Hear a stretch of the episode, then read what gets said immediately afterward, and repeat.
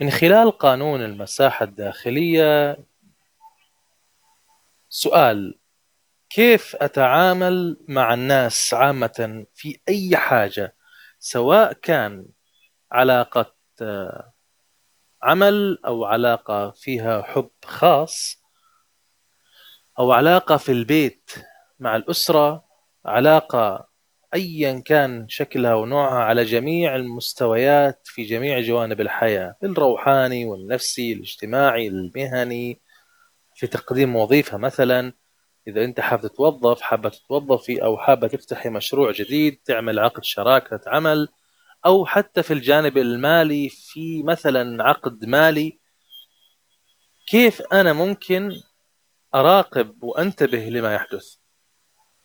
ريتشارد تمبلر في يوم من الأيام كنت أقرأ له كتاب فكان يقول أن جميع الأثرياء وجد عندهم صفة عجيبة وهو صار يتبنى هذا هذه الصفة يعني.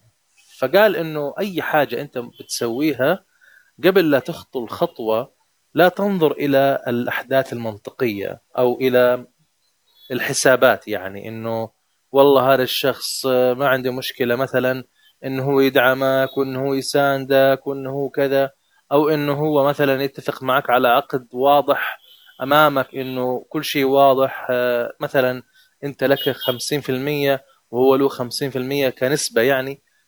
كيف أنا ممكن أدرك هذه المسألة وأنتبه للي بيصير؟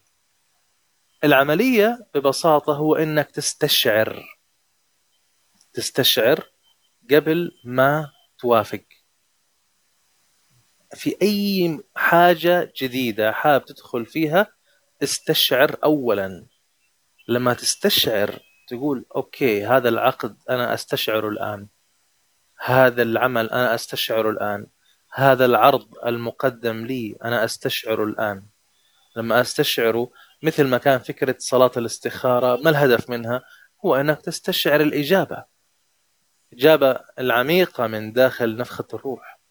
اللي هو باختصار yes or no نعم أو لا.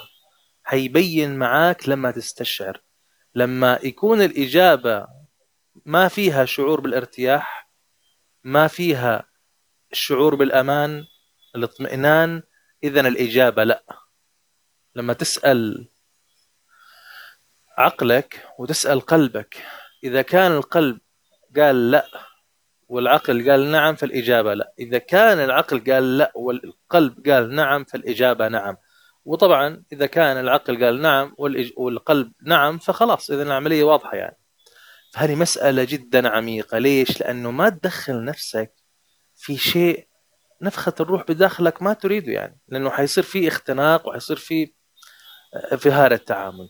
للأسف طبعا كثير من الناس يعتبروها أكل العيش. إيش نسوي؟ أكل العيش. هذا الظرف. إيش نعمل؟ أنا بنمشي الظروف. هذه الظروف. أنا مجبور. أنا كذا. أنا وضعي صعب. آه، حنمشي. ما نقدر نقول لا يعني. إيش نسوي؟ لازم إحنا نمشي في هذا الموضوع. ما في شيء اسمه لازم. ولكن في شيء اسمه ارتياحي ولا مش مرتاح له. أنا مرتاح لهذا ولا مش مرتاح له؟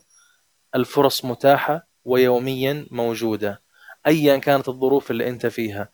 إذا كنت أنت قاعد في مكان ما في فرص تأكد تماما إن أنت عايش في كوكب في قارات في دول في أماكن في يعني مساحة.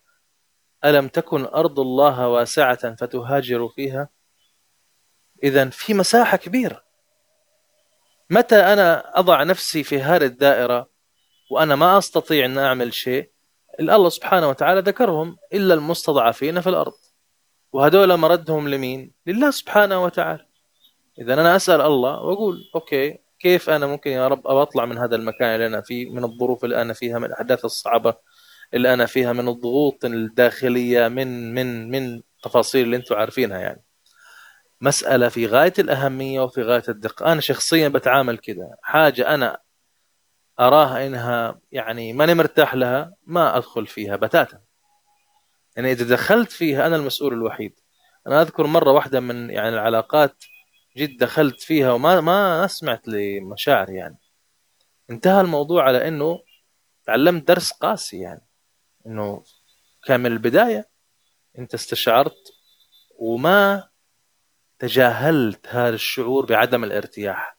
فمن الآن المساحة الداخلية حافظ عليها حافظ على سعتها اللانهائية.